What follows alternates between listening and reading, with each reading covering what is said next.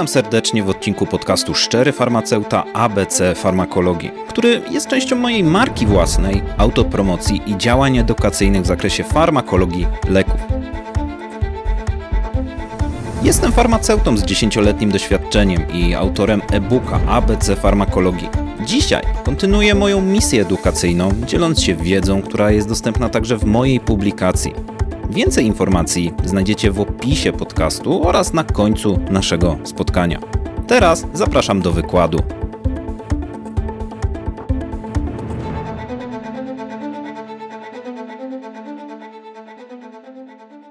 Dzisiejszy wykład zabierze nas w podróż, podczas której poznamy temat padaczki, zjawiska, które od wieków budziło zainteresowanie i stanowiło wyzwanie dla medycyny.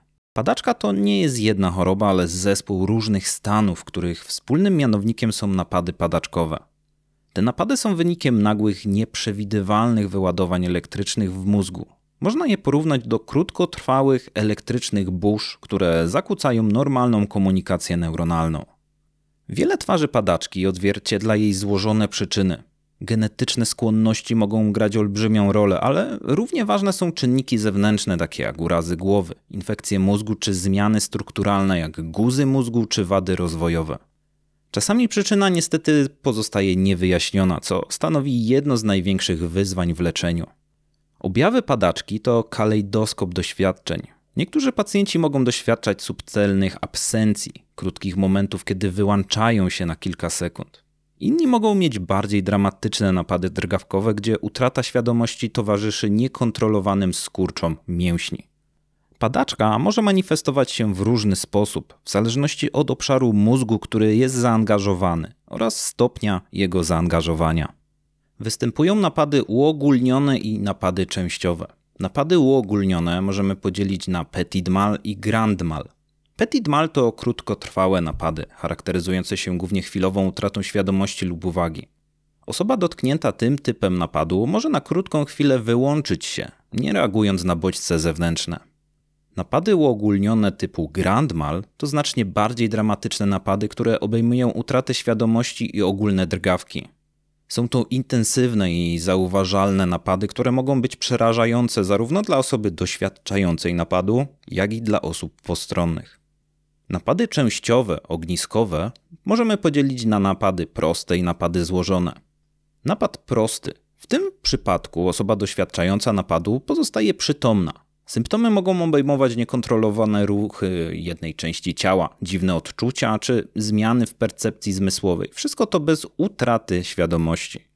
W przypadku napadów złożonych, tutaj osoba traci świadomość lub jej świadomość jest zmieniona. Może to prowadzić do automatyzmów takich jak chodzenie bez celu, mrużenie oczu czy inne działania nieświadome. Zrozumienie padaczki jako złożonego zjawiska neurologicznego jest pierwszym krokiem w kierunku empatycznego i skutecznego podejścia do jej leczenia.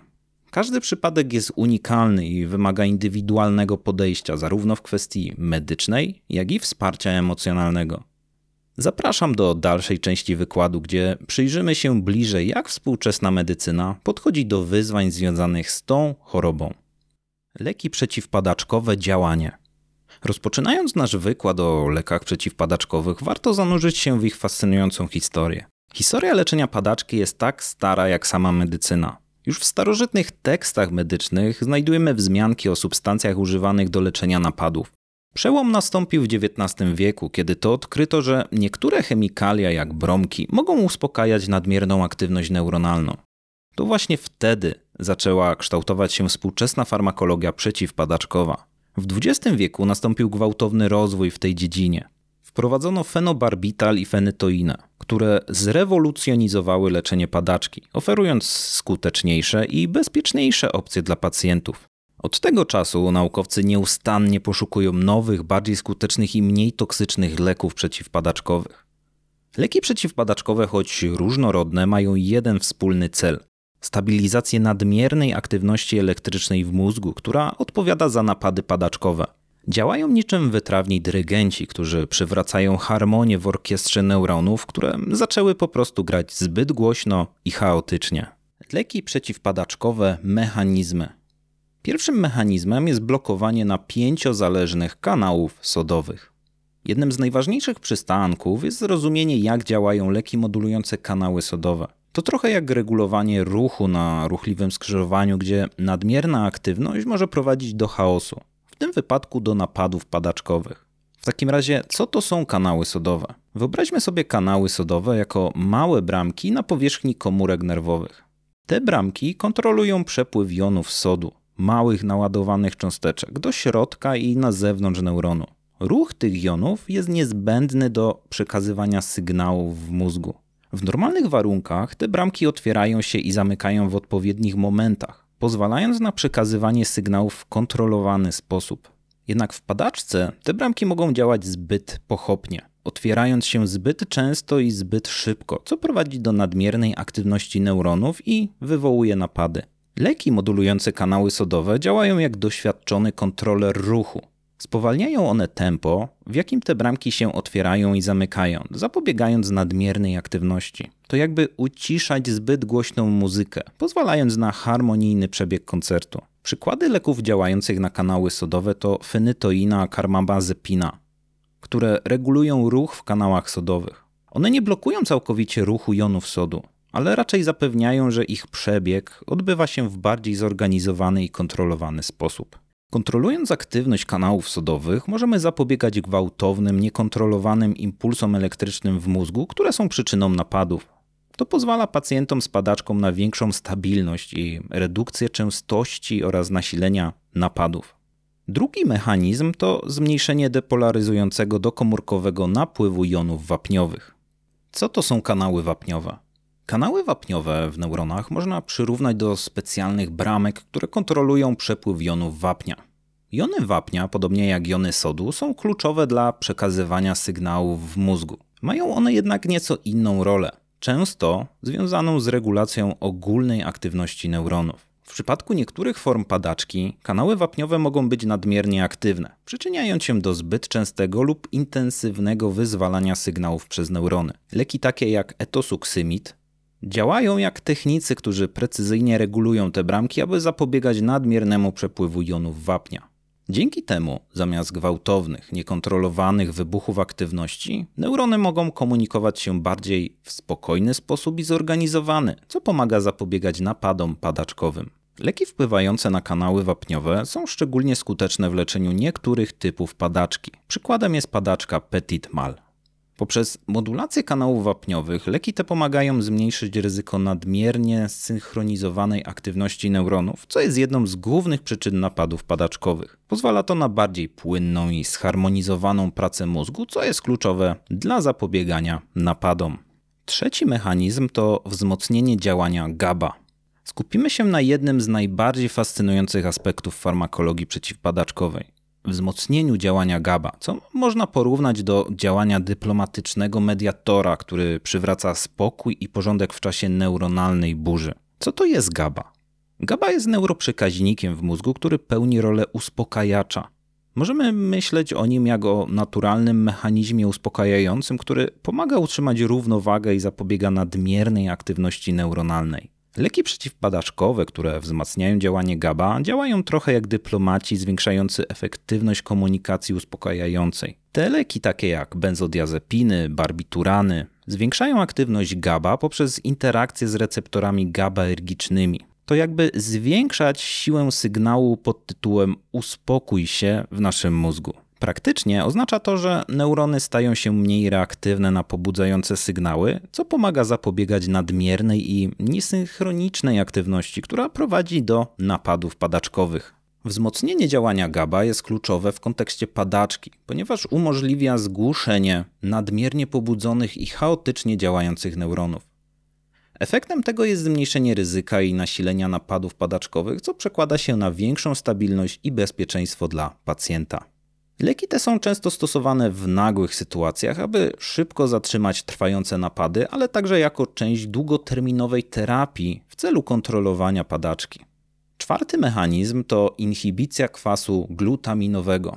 Można to porównać do roli regulatora dźwięku, który kontroluje głośność w sali koncertowej, zapobiegając zbyt głośnej i chaotycznej muzyce. Co to jest kwas glutaminowy? Jest to główny neuroprzekaźnik pobudzający w naszym mózgu.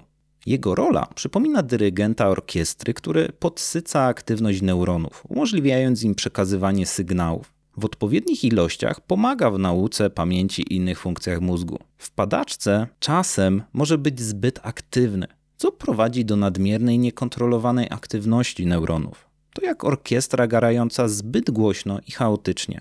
Leki takie jak topiramat i lamotrygina działają poprzez obniżenie głośności tego neuroprzekaźnika. Osiągają to poprzez blokowanie receptorów glutaminergicznych lub hamowanie jego uwalniania, co skutkuje zmniejszeniem pobudzenia neuronów. Inhibitory kwasu glutaminowego są szczególnie przydatne w leczeniu różnych rodzajów padaczki, zwłaszcza tych, które są trudne do kontrolowania za pomocą innych leków. Są one ważnym narzędziem w arsenale terapii przeciwpadaczkowych. Podsumowanie leków przeciwpadaczkowych z podziałem na mechanizmy działania. Do grupy leków blokujących kanały sodowe i wapniowe zaliczamy fenytoinę, karbamazepinę, okskarbamazepinę, lamotryginę, kwas walproinowy, topiramat, etosuksymid, zonisamid. Do grupy leków zwiększających stężenie GABA lub powinowactwo do receptorów GABA zaliczymy gabapentynę, pregabalinę, wigabatrynę, benzodiazepinę. Warto podkreślić, że niektóre leki jak kwas walproinowy mają mieszany mechanizm działania, wpływając zarówno na stabilizację błony komórkowej, jak i modulację działania GABA. Po zrozumieniu mechanizmów działania różnych leków nadszedł czas, aby omówić ich zastosowanie w leczeniu padaczki. Kluczem tutaj jest indywidualne podejście do każdego pacjenta, ponieważ padaczka jest chorobą o wielu obliczach, a skuteczność leczenia zależy od właściwego dopasowania terapii do konkretnego przypadku. Oczywiście, głównym zastosowaniem tych leków jest kontrolowanie i zapobieganie napadom padaczkowym. Leki te działają przez stabilizację aktywności elektrycznej w mózgu, co pomaga zmniejszyć częstotliwość i nasilenie napadów. Niektóre leki, jak kwas walproinowy czy lamotrygina, znalazły zastosowanie jako stabilizatory nastroju. Są one szczególnie przydatne w leczeniu i profilaktyce epizodów maniakalnych oraz depresyjnych w chorobie afektywnej dwubiegunowej. W przypadku bólu neuropatycznego wynikającego z uszkodzenia nerwów, leki takie jak gabapentyna czy pregabalina wykazały się skutecznością. Działają one poprzez zmniejszenie nadmiernego pobudzenia neuronów, co przyczynia się do łagodzenia bólu. Topiramat jest stosowany w profilaktyce natomiast migreny. Pomaga on zredukować częstotliwość i intensywność ataków migrenowych, choć mechanizm tego działania nie jest w pełni zrozumiały. W leczeniu padaczki ważne jest rozróżnienie między terapią długoterminową a doraźną. Wiele leków przeciwpadaczkowych, takich jak kwas walproinowy czy lamotrygina, jest stosowanych regularnie, aby kontrolować i zapobiegać napadom w długim okresie. Z drugiej strony benzodiazepiny, np. diazepam, są często wykorzystywane w sytuacjach nagłych do szybkiego zatrzymania trwającego napadu. Są one kluczowe w zarządzaniu aktualnymi epizodami padaczkowymi. Leki przeciwpadaczkowe, choć niezwykle ważne w leczeniu padaczki, mogą wywołać różnorodne działania niepożądane. Leki działające na system GABAergiczny, jak benzodiazepiny, wywołują efekt uspokajający i relaksujący – to zwiększone hamowanie w mózgu może prowadzić do ogólnego uczucia zmęczenia, senności lub letargu.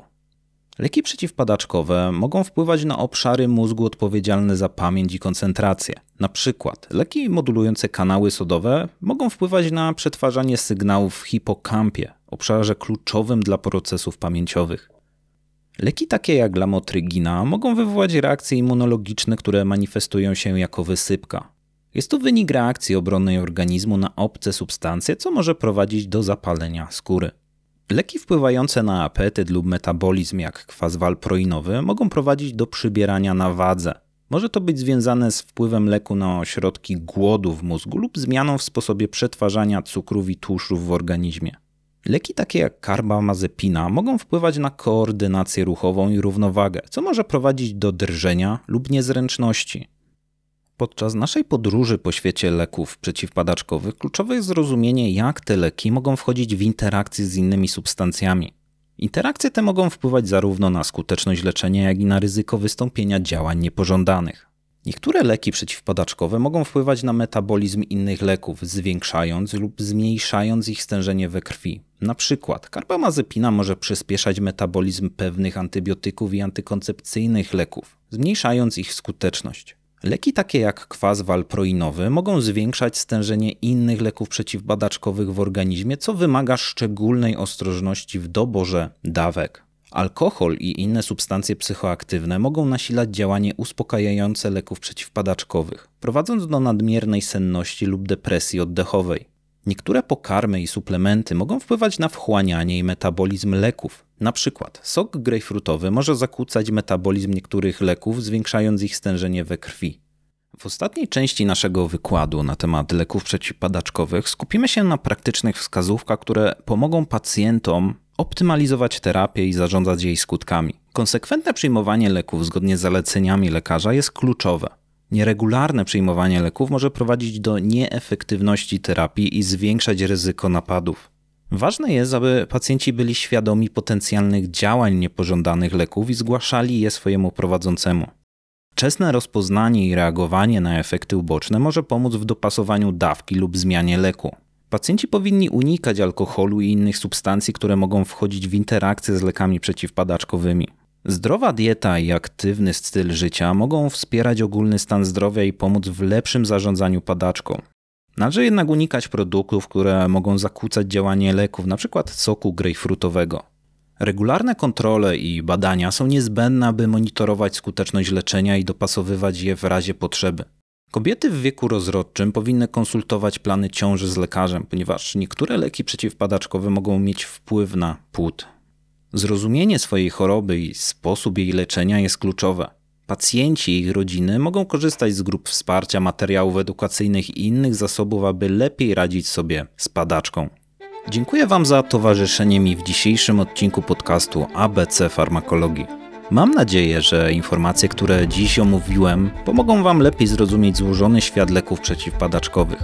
Przypominam, że dzisiejszy wykład jest częścią mojej szerszej misji edukacyjnej związanej z moją publikacją ABC Farmakologii.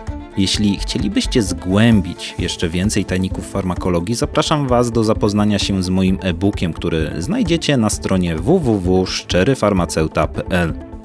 W e-booku znajdziecie omówienie nie tylko padaczki, ale także wielu innych aspektów farmakologii, co może być cennym źródłem wiedzy zarówno dla studentów, jak i dla wszystkich zainteresowanych tą tematyką. Nie zapomnijcie także śledzić mojego podcastu, aby być na bieżąco z kolejnymi odcinkami, które będą kontynuacją naszej fascynującej podróży po świecie medycyny i farmakologii. Dziękuję za Waszą uwagę i do usłyszenia wkrótce.